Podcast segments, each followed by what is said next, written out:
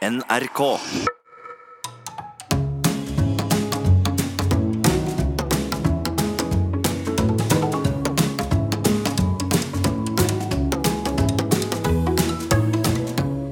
Hjertelig velkommen til Sånn er du her på P2. Jeg heter Harald Eia. Og Nils Brenna, velkommen til deg òg. Jo, takk for det. Du, Nils, du er jo veldig interessert i idrett, og jeg kan også være det noen ganger. Og for en stund siden så snakket vi om hvilke idrettsutøvere som skiller seg ut fra de andre.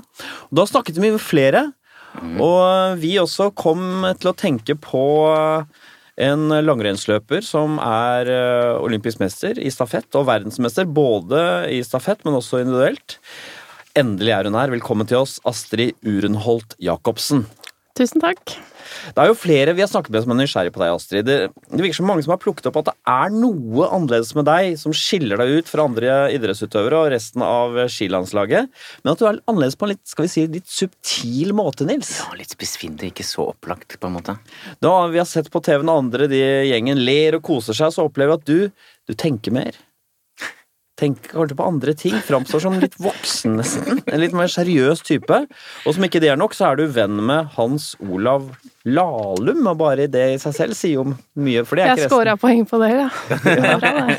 Og så husker vi selvfølgelig tårene, ikke bare i forbindelse med at eh, din bror tok sitt eh, liv i 2014, men også da i forbindelse med idrettsprestasjoner, da du ble slått ut av kvartfinalen i VM i Lahti i 2017. Eller da du sprakk under stafetten i Yang- Pyeongchang. Og det likevel ble OL-gull, da. Det var selvfølgelig veldig og, Men også når andre gjør det bra. Da Marit Bjørgen vant sitt første OL-gull i 2010. Så du, er det er denne dybden, Nils, og så er det altså denne tilsynelatende emosjonelle biten ved Astrid også, som mm. vi er litt nyfikne på her. Det er akkurat det. Dybde og emosjoner er eh, stikkordet, Astrid. Ja. Jeg tror jeg er ganske på en måte lett å lese, da. Får Fordi se, følelsene sitter utapå kroppen. Føles sånn av og til, i hvert fall. Så er spørsmålet, Én En ting er at det sitter utapå kroppen, men spørsmålet er også hvor mye det er av dem. Ja. Ja, det er sikkert mye, det. ja, vi får se. Vi begynner med den, eh, den personlighetsdimensjonen som eh, ofte fanger opp det, de personlighetstrekkene som eh, folk fanger opp når de sier at noen har dybde. Altså, de snakker om indre spenninger, uro. Vi skal finne hva din score, Astrid, er på trekket nevrotisisme. Nevrotisisme det er uh, summen av negative følelser, det, Nils? Det er helt riktig. Uh, Det er jo en rekke av dem. Da. Det kan være engstelse, fiendtlighet, depresjon, sosial angst, stress, følsomhet med mer. Og den vi skal begynne med, er depresjon. Ikke den kliniske betydningen av det, men den derre nedstemtheten, tungsinnet, det som trekker nedover, kan vi si, Harald. Kan vi ikke det? Jo, og, det, og de vi har testet ut, hvilke er typisk som scorer eh, høyt på dette her, mye plaget av tristhet og nedstemthet. Det er Knausgård. Fabian Stang. Linda Eide, faktisk. Selv om hun virker så blid på TV. Og så har vi folk med lave scorer, veldig lite preget av nedstemthet i livet. er Kristian Ringnes, Siv Jensen, Anne B. Ragde, og bare for å ta noen fra venstresiden også, Anniken Huitfeldt. Hvordan er det med deg, Astrid? Eh, Er, det, er tristhet og nedstemthet noe som eh, preger ditt sjelsliv? Uh, nei, egentlig ikke. Ikke sånn jeg tenker over det. Men uh, jeg har vel sikkert mine perioder, jeg, som alle mennesker. Men jeg ville tro at jeg var rett under midten. Ja, på, dette er litt sånn lurespørsmål på én måte, Harald, fordi her har vi spurt om noe vi eh, sjelden gjør, nemlig om noe som er på snitt. Så du er rett og slett på snitt her, sånn. Oh, ja. Men det er noen ting du skiller deg ut på, eh, fordi under eh, depresjon så ligger det noen andre, flere følelser også. Og det er vel det vi hengte oss litt opp i, er dette den skyldfølelsen, Nils? Ja, du har, du har litt sånn utslag på det som et, den litt sånn diffuse, i hvert fall for noen av oss, størrelsen skyld. Har du noe Ja. forhold til det? ja, det kan nok stemme, det. Jeg har liksom stor samvittighet. Hva kan det gå på, da? Eh, nei, det er vel om jeg kunne gjort eh, ting bedre, så det hadde vært bedre for andre enn meg selv, nødvendigvis. Da. Ja, hva kunne du, det har er kanskje ikke så veldig bra i toppidretten. Men hva kan det være, da? Eh, nei, hvis jeg har gjort noe som kan øde, ha ødelagt for andre, eller Hva kan Ja. det være? Eh, Jeg tror oftere at jeg tenker gjennom om jeg har gjort det, enn at jeg egentlig nødvendigvis har gjort noe konkret. Jeg, jeg tror jo dette har utviklet seg litt etter at jeg kom inn i toppidretten òg, fordi at jeg har vokst opp med veldig sånn direkte kommunikasjon, og tråkka så himla i salaten sikkert 100 ganger etter at jeg kom hjem på lag med bare jenter, Hvordan da? som kommuniserer helt annerledes. Ja, Si litt om det. Litt, det er mye mer sånn subtil kommunikasjon. Ja, var det du, da du kom inn, hvordan var du da som krasjet med dette? Jeg var superdirekte. Jeg, var, jeg har vokst opp med en direkte far, en direkte gammel trener og to brødre. Ja. Så jeg tror jeg kommuniserte mer sånn som gutter gjør. Var det, husker du noen eksempler, eller? Sånn? Nei, sånn at man for eksempel kunne si at noen gjorde noe dårlig. Ja. Hvis de gjorde noe dårlig. Ja. For meg så er det liksom Oi, er ikke det naturlig? Ja. Jeg tipper faktisk at jeg brukte fire-fem år før jeg skjønte egentlig hvordan kanskje gjennomsnittsjenta kommuniserer, da. Så, så det er det eneste vi fant her eh, på dette med depresjon, at du er litt sånn plaget av samvittighet. Så vi har altså plukket fram litt uh, skyldfølelse hos Astrid her, men hva skal vi si, er Astrid nevrotiker eh, på noen som helst måte? Eh, Nei, du er ikke nevrotiker. Du er rett og slett på snitt når det gjelder faktoren nevrotisisme. Så ikke høy, ikke, ikke lav heller, men på snitt et, et, et, et vanlig menneske når det gjelder nevrotisisme. Ja, fordi det, er- jeg og, øh, Min erfaring er at idrettsutøvere ofte er mindre nevrotiske enn gjennomsnittsbefolkningen, men Astrid, du er mer som gjennomsnittsbefolkningen her. Ja, skal jeg sies er det liksom et litt artig poeng at du har nøyaktig samme score som Kjell Jansrud. Ja. Så Jeg tar det som eh, en kompliment. Ja, ikke sant? Og du er da, du er da på og, uh, Nevrotisisme har seks underområder, og du er rett og slett på snitt på fem av dem. Det vil si at du er på snitt på engstelse, du er på snitt på fiendtlighet, det som eh, fanger agg og frustrasjon. Du er da på snitt på depresjon, snitt på impulsivitet, det vil si sånn å la seg lokke til ting. Og så er du på snitt på selvbevissthet, og så er du Den eneste du er ganske lav på, er stressfølsomhet, det vil si at du takler stress ganske godt, rett og slett. Ja, det Bekreftes. visste jeg. Du visste det? Ja. Hvordan visste du det? Nei, jeg bare Nå sammenligner jeg bare med andre, da, men Ja. når det skjer uforutsette ting, så er det nesten sånn at jeg roer meg ned. Hvem er det du sammenligner med? Jeg blir med? liksom motpol til de som stresser seg opp. Ja, for, for eksempel hvis, hvis noen roper da «Eh, Det er væromslag, vi må smøring vi har hatt er feil, vi må smøre nå, det er ett minutt til start. Da roer du deg. Da tenker jeg sånn Ok, dette kan gå rett vest, Ja. men det går i hvert fall rett vest hvis jeg begynner å stresse. Ja. Jeg har, eh, Rekorden min er å få skiene kasta over gjerdet og til start, liksom pinnen. Ja. Ti sekunder før start. Oi, oi, oi, Så da sto jeg liksom, du vet, man går liksom fram til pinnen. Så står man inni en sånn der Ja. eh, bue med masse reklame på. Uten ski. Ja, Det er ti sekunder til start, og fortsatt ikke ski, men pulsen din er stadig lav. Ja, da tenkte jeg så i verste fall så må jeg jo bare gå til siden. Jeg har tenkt at jeg har lyst til å jobbe i akuttmedisin, Nettopp. Ja. fordi eh, jeg vet på en måte at når det koker rundt, så kjøler jeg meg ned, på en måte. Ja, Så jeg ser for meg at jeg kan egne meg bra ja. i sånne. Høres godt tenkt ut. sånt yrke, da. Men når du Denne for meg veldig rørende situasjonen under eh, stafetten i OL i Pyeongchang, hvor du sprakk, eh, og så tok dine lagkamerater og gikk eh, så godt at eh, de ikke gjorde noen ting, og dere fant gull. Selvfølgelig gikk veldig inn på deg. Hvor lenge sitter den situasjonen i etterpå da for deg, da, sånn psykisk? Eh, åh, det er nesten Den sitter sikkert litt i meg fortsatt. Men Hva er det som sitter sitter i da, da? Altså, det er jo veldig vanskelig å forklare hvordan jeg egentlig hadde det akkurat da. Men jeg sprakk jo i, på etappen min. Men så visste jeg visste jo veldig godt at jeg gikk en stafett i OL. Ja. Så eh, det var på en måte ikke tillatt å eh, Hva skal jeg si Sprekke så mye at du På en måte at alt er helt over. Så jeg presset meg selv sikkert så hardt etter at jeg hadde sprukket, at jeg var jo fullstendig sluttkjørt. Altså, kroppen min funka jo ikke på ti dager etterpå. Jeg gjorde ikke det. Og det har jeg aldri opplevd etter et skirenn før. Ja, For det er jo det med stafetter, da, sånn. Og så følte jeg jo at både jeg hadde ødelagt, og jeg var skuffa over meg selv. Og så i tillegg så eh, klarer jo på en måte de andre, og den avslutningen til Marit som var Ja. på en måte magisk i seg selv. Så det ble på en måte Fordi jeg sprakk, så lå det jo liksom da an til en veldig sånn spennende avslutning, som Marit da fiksa.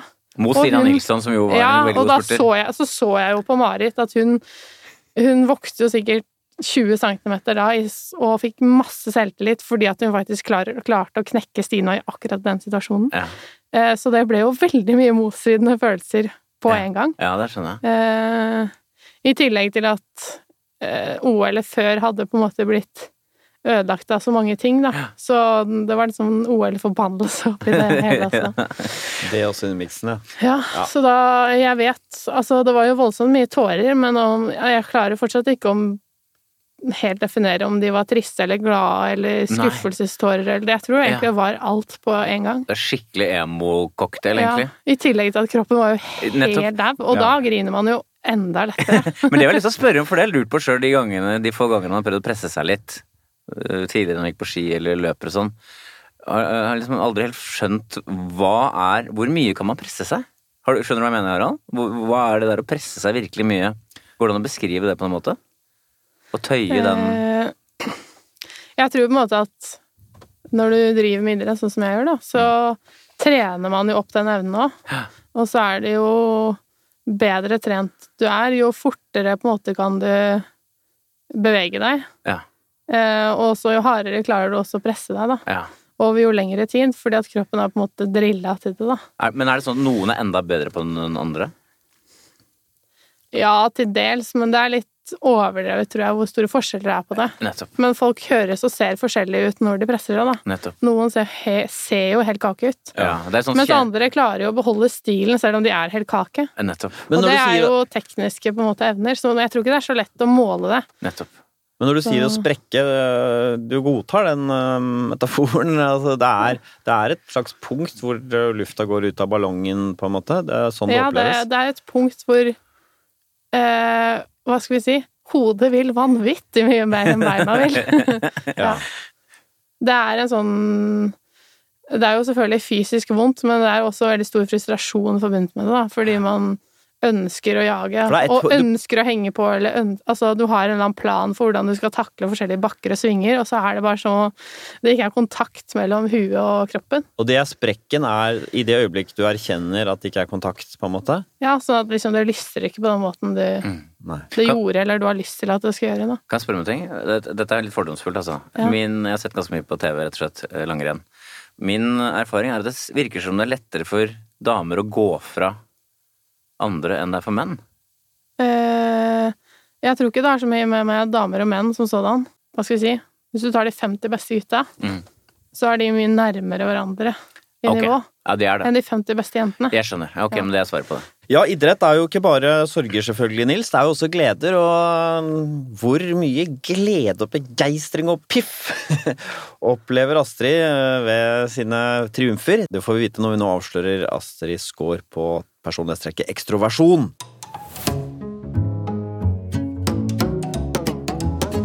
Ekstroversjon handler jo om hvor mye glede og kick man får at nytter i verden, eh, men også hvor mye man stråler ut, da, hvor eh, til stede man er i et rom.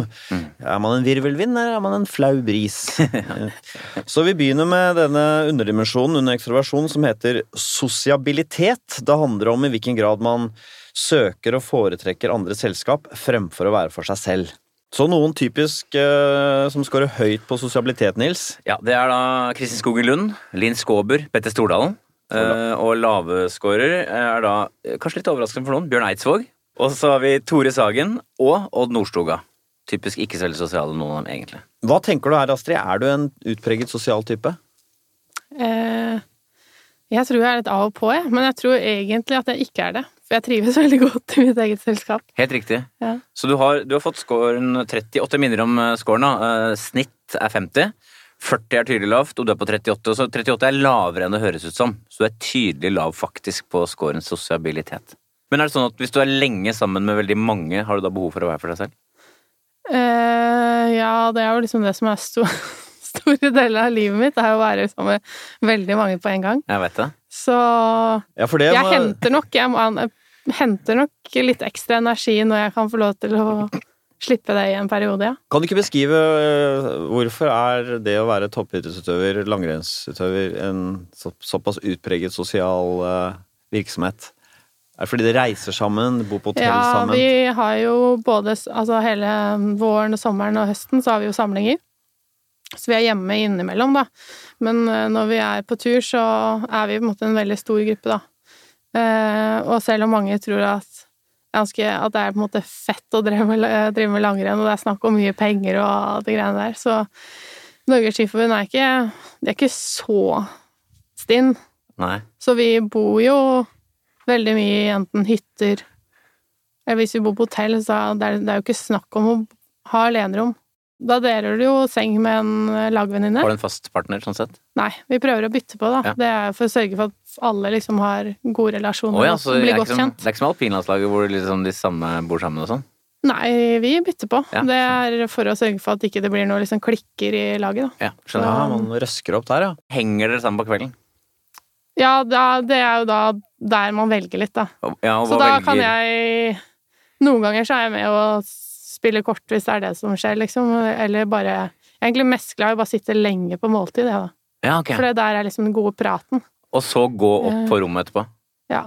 Ja. Kanskje lese en bok eller et eller annet. Vi hadde jo Jansrud her. Han, han er jo litt motsatt. Han er jo sånn som elsker å gå ned og møte de andre på kvelden hver eneste kveld, liksom. Han har liksom den dragningen mot dem. Der er det jo litt annerledes, da. Ja. Jeg kjeder meg jo sjelden i de andres selskap òg. Sånn, hvis jeg først er Sitter sammen med folk og prater, så syns jeg stort sett det er veldig interessant. Så da har jeg ikke sånn Jeg kjenner ikke på behovet da for å gå for meg selv. Hvor lenge kunne du vært helt alene? Ja, det tror jeg faktisk er ganske lenge. Ifølge vår test ganske lenge. Ja, hva, hva et tall? Holdt jeg på? Det kunne vært en uke? Ja. To? Tre? Kanskje med en måned? Men altså, hva betyr det? Ikke snakke med noen i det hele tatt? Ja, la oss si det. La oss si det, Ikke få, mobil, ingenting? la oss si det få med deg hunden din, da. Få med meg hunden min? Jeg, jeg kunne helt sikkert trivdes godt i to uker. Ja, du kunne det. Ja. Pass deg. Ja, det er ganske mye. En eh, viktig underdimensjon under en ekstroversjon er dette med positive følelser. Altså i hvilken grad man eh, uttrykker eh, glede med intensitet og kraft. Typisk eksempel da, hvis man scorer høyt, sånn som Solveig Kloppen gjør, eller Pernille Sørensen, så er man Man ser på hele dem at de er glad. Sprudler. Klapper i hendene omtrent. Mm. Mens går man lav for positive følelser, så, som eksempel Tore Sagen, så er det sjelden eh, det er noe særlig begeistring å spore. Jeg legger til deg her, jeg, legger deg i potten. Du er også litt sånn. Jeg kjenner ikke på så mye. Så hvordan tenker du at du ligger an her, Astrid? Er du en sprudlende à la Solveig Kloppen og Pernille Sørensen, eller en ikke så sprudlende à la Tore Sagen og meg? Ja, jeg ville si kanskje ikke så sprudlende, faktisk. Interessant. Ja, interessant. Fordi jeg føler Hvis jeg er veldig fornøyd med noe, da, liksom, Ja. så trenger, kan jeg liksom bare kose meg med det for meg selv. Men da kan du kose måte. deg med det for deg selv. Ja. ja. Jeg har ikke så veldig mye behov for at liksom, det skal bli så mye greier. Nei, men du har en indre glede, da. Ja, det har jeg nok. Nettopp. Så ja. men det var grei rydding, og da ender vi opp på det ikke kjempehøye, men ganske høye tallet Ja. 56, som da er i retning av kloppen. Eh, Ja, for jeg la litt for mye vekt på at man uttrykker det. Det handler Ja. selvfølgelig om at det er et eh, visst sammenfall mellom uttrykk og Nettopp. indre følelse her, da. Det er helt riktig. Men det betyr jo at du da Du går og kan gå og kjenne på en sånn slags indre glede, da, rett og slett. Ja. Som det Tore Sagen ikke kan, for å si det veldig enkelt. Jo, det kan jeg. Ja, ikke sant? Du sutter på karamellen, for å si det sånn. Ja. Du koser deg med Jeg er, ganske, jeg er ganske god til å glemme de dårlige tingene, altså. Ja. Husker jeg på det bra. Jeg tenker at alt kommer til å ordne seg. Nettopp. Jeg tenker at det helst går bra. Ja. miljø og sånn. Hva tenker du om det? Det løser, det løser seg? Eh, Det tror jeg kanskje vi må gjøre en innsats Ja, for å få til å løse. det Da. løser ikke av seg sjøl på Nei, det er veldig få CO2. ting som på en måte løser seg av seg sjæl, da. Ja. Da, men, Men du tror vi kan tenk- fikse det? Jeg tenker veldig ofte at hvis jeg gjør så godt jeg kan, så blir det bra. Ja. Og det å være Eh. optimist, det ligger faktisk til dette trekket. Så Ja. høy score her drar mot optimisme, så det Ja, det bra. kjenner jeg meg litt igjen i. Hvem er det som er den blideste på landslaget? Ja, det var et godt spørsmål. Eh, Jeg er frista til å ta liksom en av nykommerne, da. Ja. Tiril, kanskje. Veng. Udnes Weng. Ja. Hun er stort sett veldig blid. Morsom blir- og litt uhøytidelig og Ja. Så når det har vært noen Vi husker deg fra flere at du har- grått, og vi har sett deg gråte, så jeg på en måte gikk ikke det helt riktig bilde av deg, ifølge vår test, eh, Nils. At eh, du har ikke så mye negative følelser i deg, tvert imot ganske mye glede. Ja. Jeg tror bare at jeg har veldig lett for å grine. Ja, men Som- bare, la, la oss rydde opp i det også, fordi Ja. at det er interessant funn i testen her. Eh, Det er noe som heter åpenhet for følelser, som skal fange en sånn type emosjonalitet, som blant annet rommer lettrørthet. Og der er du ikke spesielt høy der, eller? Nei. Nei? Så du, hvis noen tenker på deg som en emosjonell type, så er du egentlig ikke det. Ikke at du er så ekstremt lite, du er på snitt, liksom. Ja. På emosjonalitet. Ja. Det er kanskje at du har vært mer i ekstreme situasjoner. Ja, og så tror jeg på en måte at de ekstreme situasjonene blir også formidlet til hele det norske folk. Ja. Ja, det er ingen som Så det er på en måte Ja, hvis man eh, på en måte mannen i gata tenker at alle de gangene man hadde virkelig vært på randen, enten av utmattelse eller av glede eller hva det er, liksom alle ytterpunktene i livet, da, hvis det skulle på en måte blitt filma og så vist ja, ikke sant? naboen. Ja, ikke sant? Det er jo egentlig det Ja, ikke sant? jeg har vært oppi. nå skal vi ikke tulle med det, men sant, når du mister broren din, det er jo en veldig sterk ting. Men Ja. også det å, å sprekke på en stafett er jo også en sterk ting Ja. i OL. Mhm. Så det er jo sikkert mange som med gjennomsnittlig score på emosjonalitet som ville kunne reagert sterkt på det, begge de tingene. Er det mange som, Har du opplevd at mange tenker på deg som følsom fordi de har sett deg gråte på TV noen ganger? Ja. Hvordan er det du merker det, eller når merker du det? Men det er jo folk som sier det, på en måte. Gjør det? ja. Hva sier, hvem er det som sier det? Nei, det er jo Altså, det er jo mange som sier mye rart, da. Men uh, det er jo mange Altså, veldig mange sier jo ting fordi de på en måte bryr seg òg, da. Ja. Um, Men de tar jo feil i den å bry seg-delen, kanskje, da. ja, men det skader jo Har jo aldri skadet noen å bry seg, Nei, nei. på en måte. Men det er ikke dermed sagt at det er rett. Det er det jeg vil fram Nei, det er sant. Jeg tror Jeg er kanskje ikke over snittet emosjonell, men jeg er nok ganske åpen òg, som person. Så jeg har Ja. liksom ikke noe behov for å dekke til noe heller. Nei. Så hvis jeg, ikke igjen først, hvis jeg først føler noe, så får jeg sikkert alle vite det, liksom. Ja. Ja. Men du har, kjæreste, du har kjæreste? Ja. Hvordan er det Kjæresten din vet om disse tingene at du ikke er så spesielt emosjonell, eller? Uh... Ikke at du ikke er det heller, men er, vil kjæresten din si at du er emosjonell? Jeg tror egentlig ikke det. Nei. Fordi det er, liksom, det er ikke sånn at jeg plutselig begynner å grine ut av ingenting, på en måte, eller det, det eneste på en måte, som kommer litt sånn eksplosivt fra meg, det er jo sinne eller aggresjon, men det går veldig fort over igjen, da. Ja. Jeg kan klikke, på en måte, Ja. men det er veldig sjelden, da. Men det å være rett, lettrørt Jeg er ganske lettrørt sjøl, jeg. ja men jeg- er du det? Ja, av, uh, veldig lettrørt av øh, at folk for eksempel har fått til noe mot Ja. alle odds. Ja, ja. Eller øh, krigsfilmer hvor man ofrer seg for sitt øh, kompani.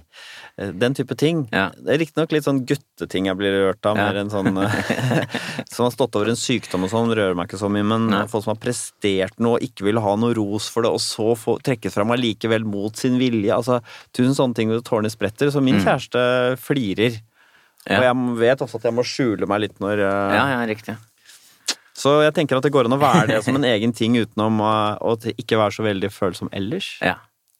Men så dette er ikke så overraskende for din kjæreste som det kanskje er for en del som står litt langt unna og ser deg, at du ikke er spesielt emosjonell.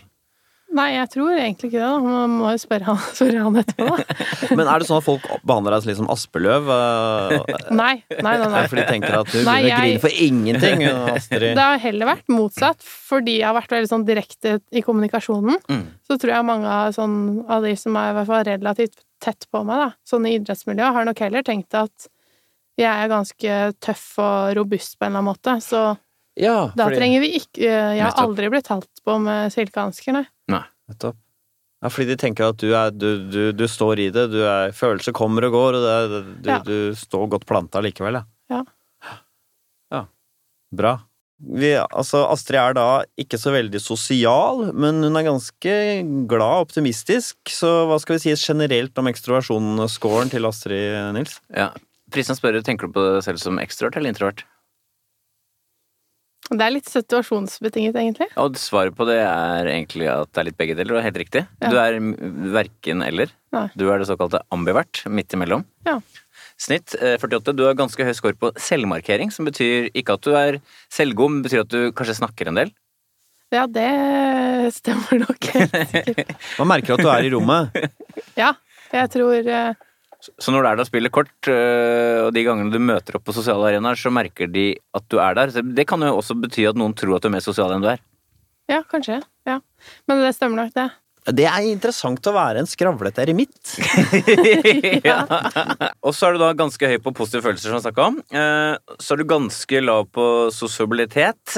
Eh, Ellers er du da på snitt når det gjelder såkalt ekstrovert varme, som handler om sånn inderlighet og nærhet og sånn. Da er du helt på snitt. Verken spesielt reservert eller sånn ekstremt eh, knyttende til deg. Og så er du på snitt når det gjelder aktivitet, som er en sånn type livstempotravelhet. Og så er du på snitt på spenningssøking, som er litt sånn fysisk eh, ting som rommer alt mulig rart fra berg- og dalbane til skrekkfilmer. Så da har vi kunnet fastslå det, Nils, at uh, når folk oppfatter Astrid som emosjonell, så har de fått, egentlig fått litt galt inntrykk av henne. Det er bare at hele livet hennes filmes, og når det skjer store ting, så ser man det. Så blir det spørsmål om folk har fått med seg noe ved deg, Astrid, når de også oppfatter å ha en slags dybde. Det er noe mystisk uh, her. Kanskje får vi svaret når vi ser på din score på personlighetstrekket åpenhet for erfaringer.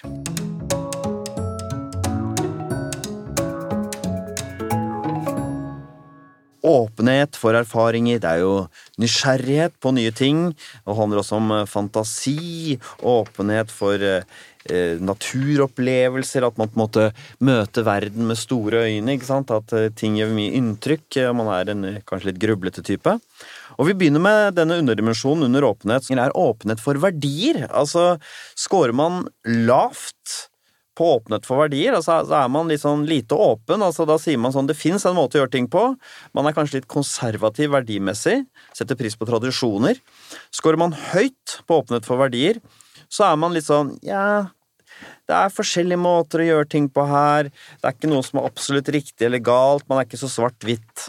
Så noen som scorer høyt eh, på Åpnet for verdier, som er litt sånn verdirelativister, kan vi si, eh, Nils, er jo sånn Petter Stordalen, Fabian Stang. Mm. Men lavt, for eksempel, det er Det er da for eksempel Pernille Sørensen uh, og Odd Nordstoga, som er opptatt av da liksom noen ting er litt riktigere enn andre, og tradisjoner er viktige og sånn.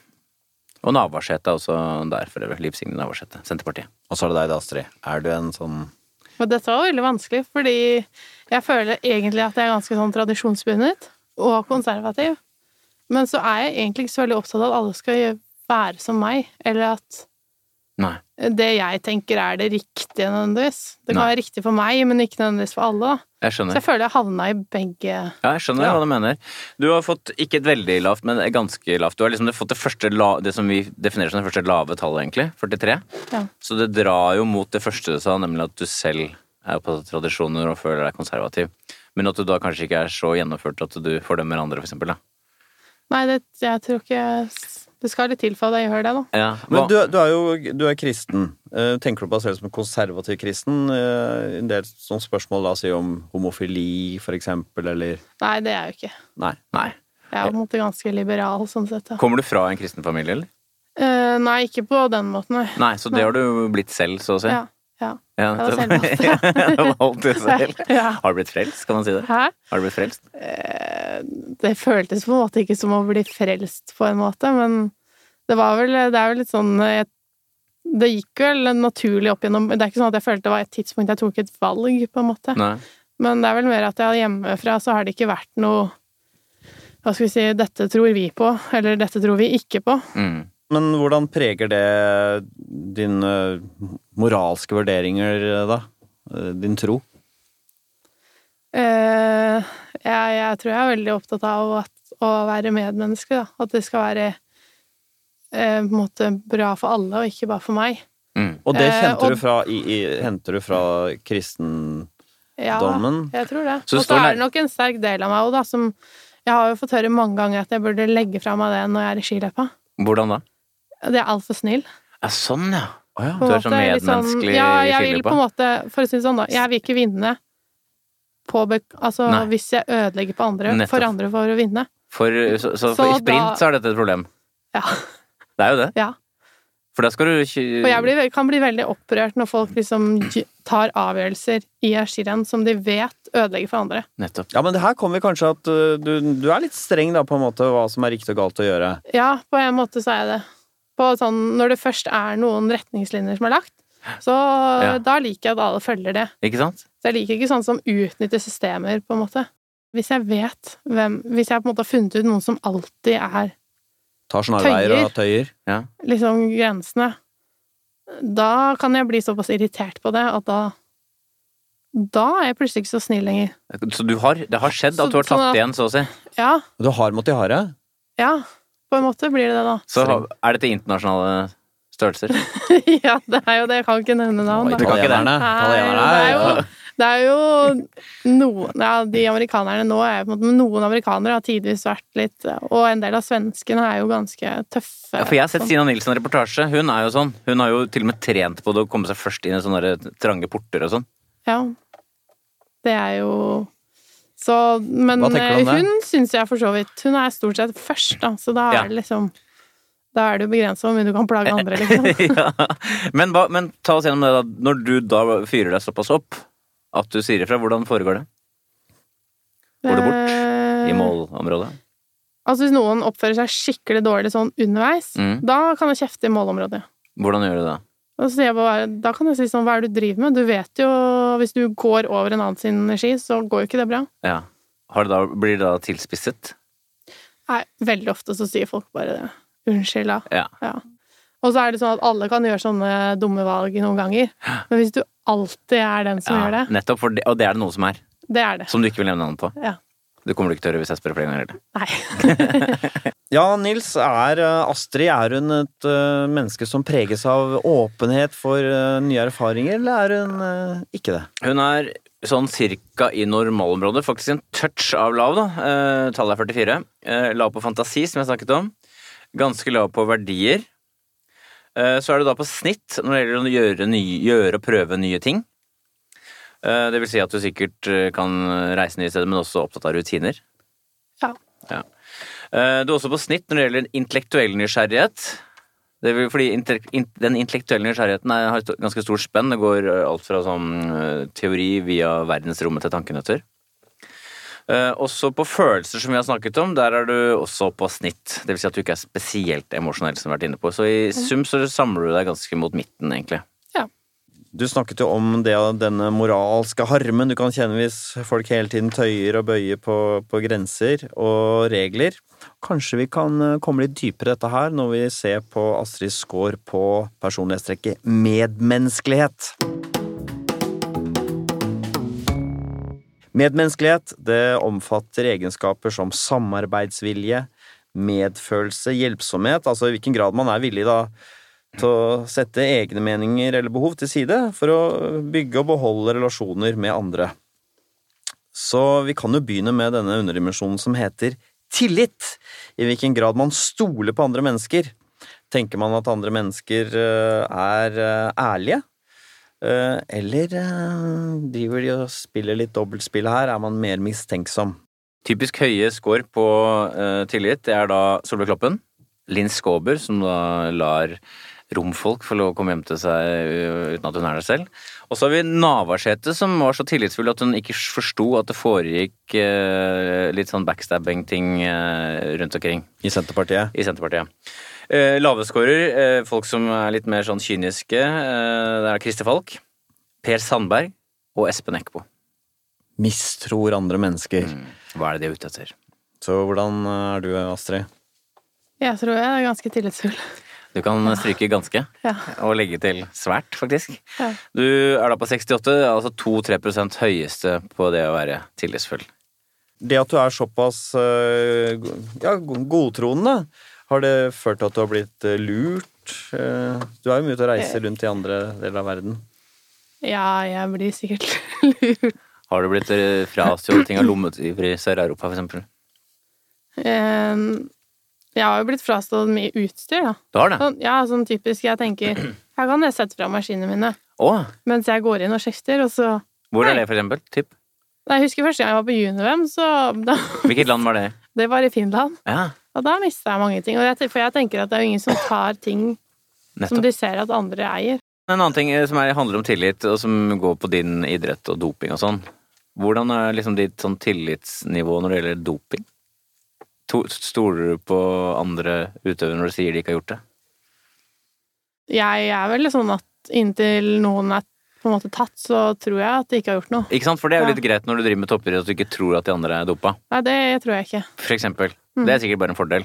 Ja, det gir jo Ellers så har du på en måte tatt litt Den mentalt, da. skep når du sier det der med at du ikke mistror andre, og du tror ikke at andre er dopa før de blir tatt, er det en sånn holdning som også gjelder de fleste andre i landslaget? Eh, Det er jo det alle sier utad. Men det er ikke sånn innad. Jeg tror det er, eh, jeg tror det er forskjeller innad, ja. Uten å nevne Men, navn, du vet eh, at noen er litt mer mistenksomme enn andre her. Ja, det er det. Men Ja. eh, ikke sånn at det er noe sånn voldsomt eh, greier, på en måte. Men jeg tror jeg er på helt andre enden av skalaen. Ja, du er blant de mest eh, ja, godtroende. ja. Men jeg tror ikke det er noen som er sånn veldig mistenksomme. Det er det ikke. men litt mindre enn deg. Ja, det, men Eller- det er ja. kanskje greit òg. Jeg vet ikke. Litt At ikke mer alle er så godtroende. Ja. Ja. Men du er ikke sånn som blir irritert på at folk eh, er mistenksomme? Eh, nei, nei, egentlig ikke. Men eh, jeg er vel også en som på en måte kan si 'det vet vi ikke noe om', for eksempel. Ja. Ja, sånne ting, ja. Du kan bli litt streng. En, um, en side ved det å være medmenneskelig er uh, hvor rett frem man er. Altså hvordan man uttrykker sine meninger. Er man da oppriktig? Uh, Det betyr at folk uh, vet hva de har å forholde seg til. Man sier det man mener, og det er det jo det er et medmenneskelig trekk, for da senker folk skuldrene. De vet at what you see is what you get. Skårer du lavt, så er man eh, litt mer strategisk. eh, Man kanskje tøyer sannheten litt. eh, Man er litt smart for å oppnå det man vil, da. Er man eh, litt utydelig, litt eh, Listig. listig. Så hvordan er du? Er du et rett frem eh, menneske, eller er du ikke? Jeg innbiller meg det, ja. Du er veldig tydelig rett frem, ja. 65, 5-6 høyeste, så du er det. Ja. Og her ligner du da på Plutselig på Per Sandberg igjen. Du var jo forskjellig fra han på forrige trekk. Ja, og og- Anniken Huitfeldt Det er godt vi Ja. kanskje ikke er like på alt, ja. Jo, jo. Elin Ørjasæter er også en typisk representant for dette. Og de som er litt mer sånn, hva skal vi si, eh, andre retningen, da, det er jo Torbjørn Røe Isaksen, Fredrik Skavlan og Else Kåss Furuseth. Litt lurere. Ja. Hvor god er du til å ljuge? Veldig dårlig. ja. Jeg er ikke noe god til det. Er du ikke? Skulle ønske det var det, eller? Eh, Jeg tror jo på en måte av og til så hadde det sikkert vært en fordel, men på en annen måte Det eneste som er bra, at jeg vet jeg er dårlig, at det er liksom ikke noe vits. Ja, sånn ja, så du gidder ikke å prøve deg Det engang. å prøve. Sånn, det må jo være litt sånn fristende for dem som intervjuer deg, å prøve å presse deg til å svare litt ærlig, da, siden det er såpass lett. Ja, det tror jeg. det. Jeg tror jo på en måte de fleste sportsjournalistene som jobber med langrenn, de vet nok det. Ja, så de går til deg for å Eh, Jeg er jo ikke på en måte dummere enn at jeg ser hver gang det er litt vanskelig, intrikate saker, Ja. så er det ofte kommer jeg på lista. Mens hvis det er litt sånn lettere ting, så går jeg liksom Da er det ikke meg de skal snakke med, Ja, nettopp, ja. Så Ja. misbruker du det at du har så høy tillit òg, fordi du stoler jo på folk og Ja, men samtidig så Jeg har jo på en måte lært meg litt øh, hva det på en måte kan Hva som er vits å si, da, og ikke. Det er jo noen hederlige unntak, da, men ellers så har det jo kanskje blitt litt at de bruker den informasjonen de får, litt sånn som de vil. Altså det vil si kanskje tar den ut av kontekst. Så hvis jeg sier Så- til deg syns du sportsjournalister er veldig flinke, så svarer du Eh, noen få. ja. Men kan du, gi, kan du ha lyst til å nevne noen på én god sportsjournalist, bare for- å skjønne litt hva du tenker? Så kan vedkommende kose seg med det. Eh, den som jeg syns er den Ja, i hvert fall en av de flinkeste, det er Mette Bugge fra Aftenposten. Nettopp, ja. Sånn ærlig Hva er det som gjør type. at hun er flink, da?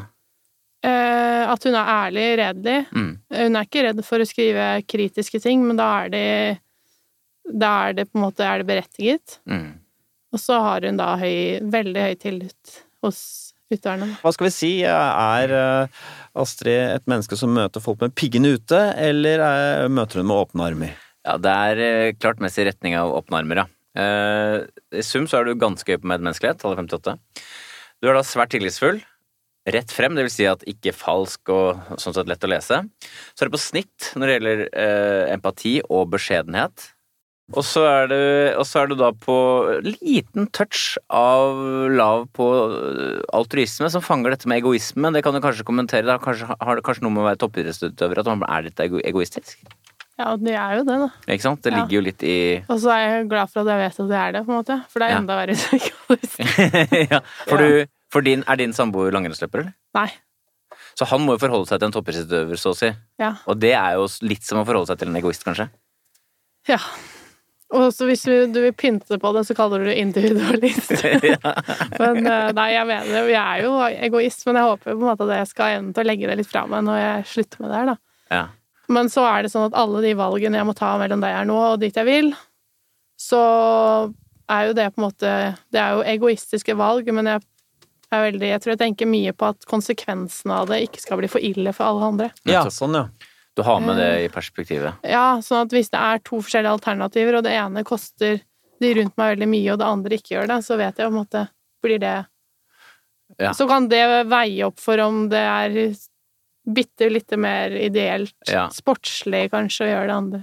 Skal man nå sine mål, eh, så må man selvfølgelig iblant prioritere seg selv foran andre, men det er jo ikke nok! Man må jo også sette seg mål og kunne fullføre de planene man legger. Er Astrid god på det? Vi ser på din score nå. Dette blir spennende på personlighetstrekket planmessighet. Planmessighet handler om viljen og drivkraften til å prestere for å nå sine mål. Og vi begynner på en underdimensjon her som er veldig viktig hvis man skal få til ting her i livet, og det er orden. Hvor organisert man er, hvor planlagt, metodisk. Skår man lavt, eh, sånn som Else Kåss Furuseth og Egil Hegerberg gjør, så er man en rotekopp, rett og slett. Da er arbeidsplassen rotet, og hjemmet er rotet, og man bruker en del på, tid på å finne ting. Skårer man høyt, sånn som Per Sandberg, Trond-Viggo, Siv Jensen, så har man orden i sysakene. eh, Og da er man da rett og slett velorganisert. Eh, Hvordan er du her, Astrid? Vi er veldig organisert. Det er jeg ganske sikker på. Jeg vet hvor jeg har alt i hele huset, liksom. ja, det gjør vi nettopp. Hvis jeg, hvis, det er veldig sjelden at jeg går og leter etter ting, liksom. Hvor, hvor har jeg lagt uh, skrutrekkeren, eller Ja. hvor eh, Hvor oppbevarer jeg liksom elpapirene for huset, liksom. Alle sånne ting. Da. Jeg vet akkurat hvor alt ligger, da. Ja, og bare for å ta scoren, og det skulle bare mangle når denne scoren, den er 76. Det vil si godt innenfor 1 høyeste. Ja. I, du, du har så høy score, Astrid, at uh, i vår uh, analyse vi har fått av deg, så står det at når man har så høy score som 76 på orden, kan det skape problemer i mellommenneskelige relasjoner. ja, altså Men jeg er på en måte klar over det, at det er sånn. Men så tror jeg Jeg har, ikke, jeg har på en måte ikke samme krav til andre som jeg har til meg Du selv. har ikke den her, for det er en Nei, fordel, jeg da. tror Men du har en samboer eh, som da lever i et hjem eh, hvor det skal være orden. Og du vet hvor alt Ja. ligger. Vet han hvor alt ligger, og Kanskje ikke helt. Men samtidig så er jeg på en måte Det er sånn hjemme hos oss at han òg kan jo finne alt. Jeg lager ikke sånne avanserte systemer på en måte som gjør at det er bare jeg som kan forstå det hvis det. han roter, da, hva- hvordan er det? Eh, nei, det er litt mer sånn at vi har hver våre områder vi kan rote på. Så hvis han roter i sine ting, så det, bryr meg ingenting. Nei, men hvis han roter på stuebordet, eller Da er det sånn jeg bare rydder det, stort sett. Det er litt sånn, for eksempel, jeg har det ganske sånn or organisert i mitt klesskap. Men om Emil har det organisert til sist, det bryr jeg meg katten om. Jeg kan på en måte ha rot noen steder òg, så lenge jeg vet hva som er i rotet.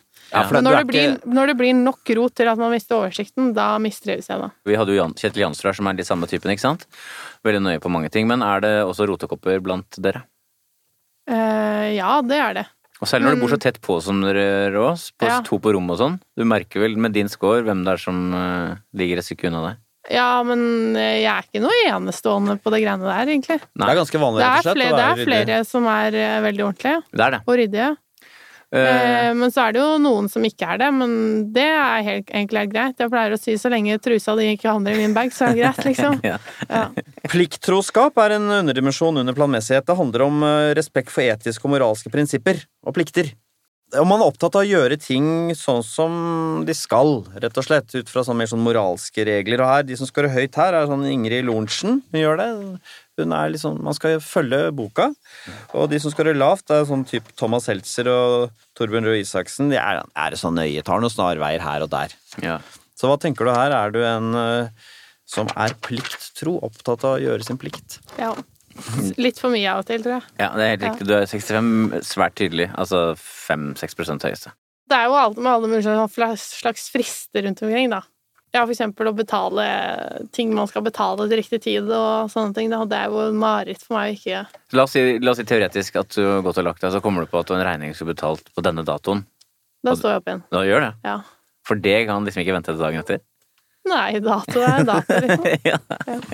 Nei, da tenker jeg litt sånn Hvis det var jeg som skulle mottatt pengene, Ja. så ville jeg jo Tenk hvis jeg tenkte det akkurat da. ja. Og du kaster ting på restauranter hvor man skal rydde opp selv. Da rydder du opp selv. Da gjør- følger Ja. du. Ja. Og da rydder jeg opp etter de som har glemt å rydde opp. Ja, du gjør det. Ja, Ja, er Eller så- si ifra. Er det sånn som når det er litt sånn eh, offentlig, så litt sånn høye eh, nivåer i søppelbøtta, så dytter du den ned med litt papir mellom hendene og deg? At du får det litt ned, så det er plass til andre som kan kaste ting? Ja, det kan jeg jo gjøre, liksom. Ja, det, det, er, din, ånd- det er din ånd. litt, litt hyggeligere for nestemann. Men hvis man går inn på ikke sånne mer sånn praktiske ting, men mer sånn dype etiske dilemma, for eksempel da, følgende scenario, Astrid. Du eh, er singel, innleder et forhold til en gift mann, oppdager du. Han er gift. Så er det selvfølgelig sånn som en del mennesker som er involvert i utroskap, de sier sånn Så lenge ikke hun får vite om det, så gjør det ingenting.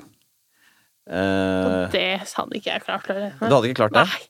Men jeg kan jo bare si at uh, siden jeg så på ansiktsuttrykket Ja. da du sa eksempelet, det så ikke ut som noe du var veldig kort vei til å gjøre, nei. Nei. Det er mange som har hatt, vært veldig prinsippfaste med, med det der. Jeg skal ikke falle for en eh, gift mann eller gift dame. Men eh, det er det sto, Så det er jo én ting, men det store valget er liksom om man lar etikken overstyre forelskelsen, da. Så hvis man er, har scorer høyt på plikttroskap, som du gjør, så tenker jeg faktisk at du kan si nei, vet du hva, jeg er stormende forelsket, men dette er ikke riktig. Mens andre folk som scorer lavere, vil sånn «Ah, ja ja, begynner å jekke til og tøye Ja, for jeg tror man kan alltid finne argumenter for seg selv oh, ja, for å forsvare det. Men du ville ikke gjort det Jeg tror jeg er liksom har, er dårlig, har dårlig anlegg for det, da. Etikksøylen din er såpass høy at det skal godt gjøres å komme like høyt som den, på en måte. Ja, jeg tror det. Men er det sånn, hvis du hadde hatt en venninne som hadde vært i en sånn situasjon, hva ville du sagt til henne da? Jeg tror jeg ville slitt veldig med det. Ja, på hvilken måte da? Jeg syns på en måte at det er så dårlig Ja. at jeg tror jeg på en måte ville tenkt dårlig også om min egen venninne. Nettopp. Og Tror du dette- venninnene dine vet om det, så hvis de er i et sånt forhold, så har de vel neppe fortalt det til deg, fordi de vet at Astrid vil bare fordømme det og ikke forstå og lytte. Eh, nei, men jeg, nei, det tror jeg egentlig Men ikke. de, de får vite det nå, for å si det sånn. Ja. Da er det ikke noe lyst til å komme til deg. Du er, du er ikke den første de skal komme til da. Nei, men samt, jeg tror jo at jeg kunne gitt noen gode råd, men jeg tror jo heller ville sørge for at det ble et valg, et gjort et valg, da, for å leve dobbeltliv har jeg liksom ikke tro på er noe bra for noen uansett. Men samtidig så er det sånn, hva som er rett og galt for meg, er ikke nødvendigvis det jeg tenker skal være rett og galt for andre, da. Men det er jo litt det du tenker her nå. Akkurat der, kanskje, ja. Men jeg kan ikke gå inn og Jeg tror vel ikke at jeg ville gått inn og liksom blanda meg opp i det, hvis du skjønner. Hvis du har en nær venninne som er i en sånn situasjon, skulle du nesten ønske at vedkommende ikke hadde sagt det til deg, eller skal man uh, si det til deg? Mm. På en måte så ville jeg sikkert tenkt at jeg Eller skulle ønsket at jeg ikke visste det, ja. Ja. Men samtidig så uh, Så er det jo på en måte det at vennskap er jo på en måte noe man må investere i, da. Men Så Det det hadde på en måte vært trist å ikke fått vite det, fordi det er jo fordi man ikke har tillit til meg, da. ja, ikke sant. Så det, da er vil jeg dilemma sånn Til syvende og sist så vil jeg kanskje egentlig vite det, fordi det er det som er å være i et vennskap. Ja. Men så ville jeg nok, nok plagdes litt med det, ja. Ja, for det er to moralske prinsipper som står mot hverandre her. Vennskapsprinsippet mot Ja. mer sånn generelle etiske prinsipp. Du er god til å holde på hemmeligheter, du da sikkert. Ja. Så du Nei, det er jo god, dårlig til å lyve, vet du. Ja, så det er et dilemma Jo, men hun, nei, men hun, hold, hun, du hold, er god til å holde på hemmeligheter. Ja, Ja da, hun er god til å man kan fortelle, hvis man, hvis man, hvis man som venninne, da, bare for å ta det ut, hvis man ikke er så redd for fordømmelse, men det er viktig at det ikke blir fortalt videre, så kan man fortelle det til deg. ja hvis, man, på en måte, hvis jeg får høre at dette er mellom oss, så er det mellom oss. Nettopp. Ja. Ja. Sånn er det. Grunnen til at planmessighet er et sånt personlighetstrekk som gjør at man får gjennomført ting, er jo også at det inneholder den underdimensjonen ambisiøsitet, eller prestasjonsstreben. I hvilken grad man har lyst til å bli best. Skårer man lavt, så er man rett og slett uambisiøs. Eh, Det er typisk sånn Tore og Steinar Sagen, som ikke har noen drømmer om å bli best i det de holder på med, selv om de er veldig gode. Og de som eh, har høy score, er typ sånn Siv Jensen, også Knausgård. De skal bli best på det de holder på med. Så hva tenker du her, Astrid? Er du en som Er ambisiøs? Ja, jeg tror jeg er det. Men jeg vet ikke om jeg er noe sånn At jeg topper det, liksom. Nettopp. Godt svart. Godt svart. Du er 61, du er ganske tydelig, men ikke ekstrem, nei. Nei. Og du er sikkert i et miljø hvor det er folk som er enda mer ambisiøse. Ja. Men jeg, jeg tror jeg er også Parallelt med å være ambisiøs, så er jeg liksom ganske sånn hverdagsmenneske. Hva betyr det? Nei, altså, jeg trenger ikke så veldig mye for å ha det bra, liksom. Mm. Jeg trenger, gleder meg ikke til ferier eller de store uh, Det er liksom ikke sånn at jeg lever på de beste konkurransene mine, eller liksom Nei. Da jeg vant eh, gull, det er liksom det som driver meg i tre år videre. Nei. Jeg syns at hverdagen er ganske ålreit, da. Du Så det er nok det som trekker ned. Ja, ikke sant? Så, men, men er du Hvor målbevisst vil du si at du er? Jeg er nok ganske målbevisst, men ikke sånn at det blir en anstrengende måte å være det på. liksom Ja, det er mer sånn at det legger kanskje premissene for hvordan dagene ser ut. Men så er det ikke noe stress ved det, på et vis. Det er ikke sånn at du kommer til å gå på en smell til slutt fordi du liksom Nei. Nei. Nei. Men er det, er, kan du se andre som du kan anta at er enda mer målbevisste enn deg? Og hvis ja, hvordan arter det seg? Eh, nei, noen er på en måte så målbevisste at det nesten blir for mye av det gode. da. Hvordan merker man det? At du, du ja, kanskje gjerne blir um, De er så overbevist om at liksom, ting må være på en bestemt måte for at de skal få det til. Mm. Og så fungerer jo ikke det i den virkelige verden, for den virkelige verden er jo liksom ikke som en robot eller maskin. da. Det som også ligger i denne fasetten, den heter jo prestasjonsstreben. Er- Er det sånn for deg at du da uh, kan terpe på detaljer som gjør at prestasjonen blir bedre? Er du på et sånt nivå? Ja, det er jeg. Mm. Um, men jeg, jeg tror ikke jeg på en måte vekter min egen verdi som menneske gjennom prestasjonene, altså det jeg får til. Jeg skjønner. Sånn at, eh, hva skal jeg si, Astrid er ikke verdiløs hvis jeg ikke klarer å prestere. Jeg skjønner. Nei, for det de som definerer seg kun ut fra hva de får til sånn i jobben, de er da Det er det vi forbinder med å være veldig, veldig Står og faller med det, liksom. ja. Ja, nei, det, sånn er det ikke for meg. Om det ikke går bra, så går det over, på en måte. Men er du mindre enspora enn mange andre i idretten din, tenker du?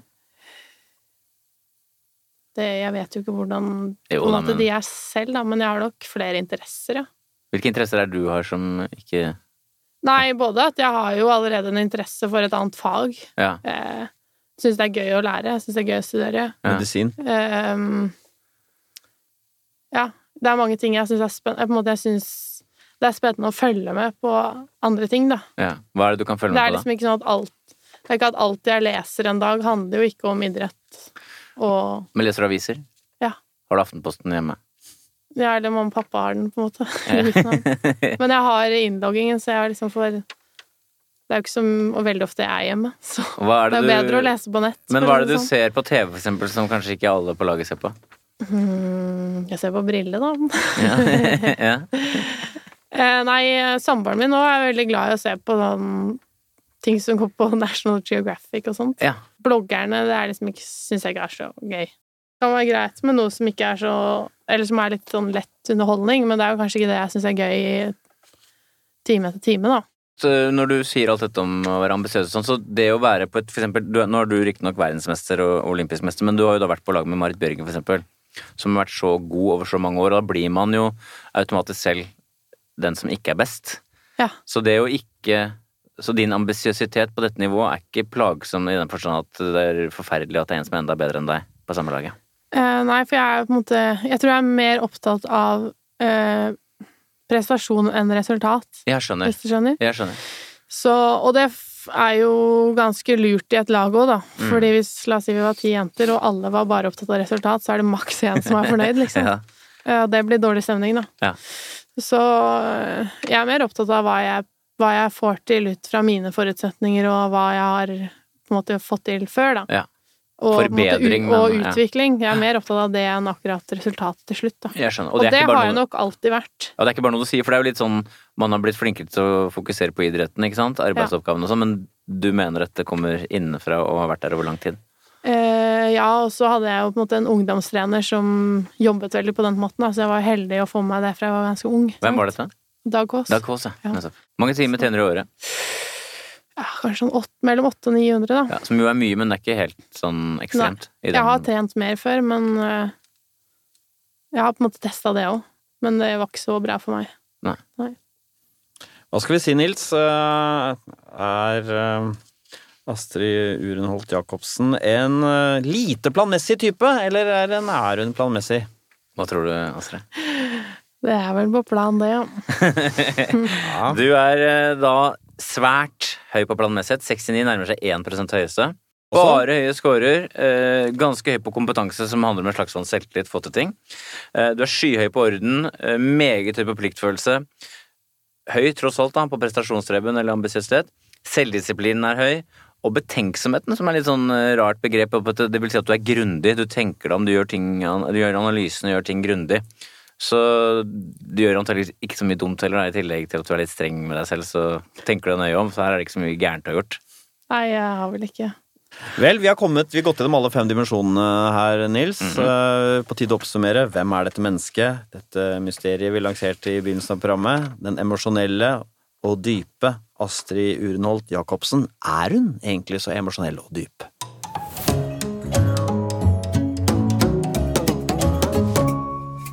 Vi hadde noen arbeidshypoteser. Eh, Den ene var at eh, du var et veldig emosjonelt menneske. I hvert fall mener folk det. Det har vi fått avkreftet, har vi ikke det, Nils? Ja, vi, dette, det har vi slått ganske grundig fast at uh, hun reagerer som de fleste andre på sterke opplevelser, og så er tilfeldigvis kamera der når det skjer. Og det andre hadde, var denne dybden, at det var noe sånn mystisk, mer tenksomme her har vi funnet ting, Det er vel dette at du har en sånn klar moralsk pekepinn om hvordan man skal oppføre seg, som eh, skiller deg fra en del andre. At du tenker nøyere igjennom enn de fleste. Konsekvensen av det du sier, hvilke effekter det har på andre. Mot evaluerer, forandrer. Du er jo en sånn eh, Ja, du er et veldig samvittighetsfullt menneske, da. Mm. Og så er du et menneske med ganske mange interesseområder, tross alt. Ja, som skiller deg fra andre idretts- idrettsutøvere, for det er det mange I hvert fall fornemmer. vår fordom om dem, da. Ja. Ja, og det, mange, det inntrykket mange har. Vi kan vel uansett si, Nils, at det sannsynligvis kommer til å gå bra med, med Astrid Urenholt Jacobsen, ut fra personlighetstesten å bedømme, da. Jeg er villig til å vedde penger på det. Og at uh, det mennesket som får deg som uh, fastlege om noen år, hvis du velger å gå den veien, er svært heldige. Ja, vi får se, da. Tusen takk for at du kom, Astrid. Lykke Takk. til. Takk, det var veldig hyggelig.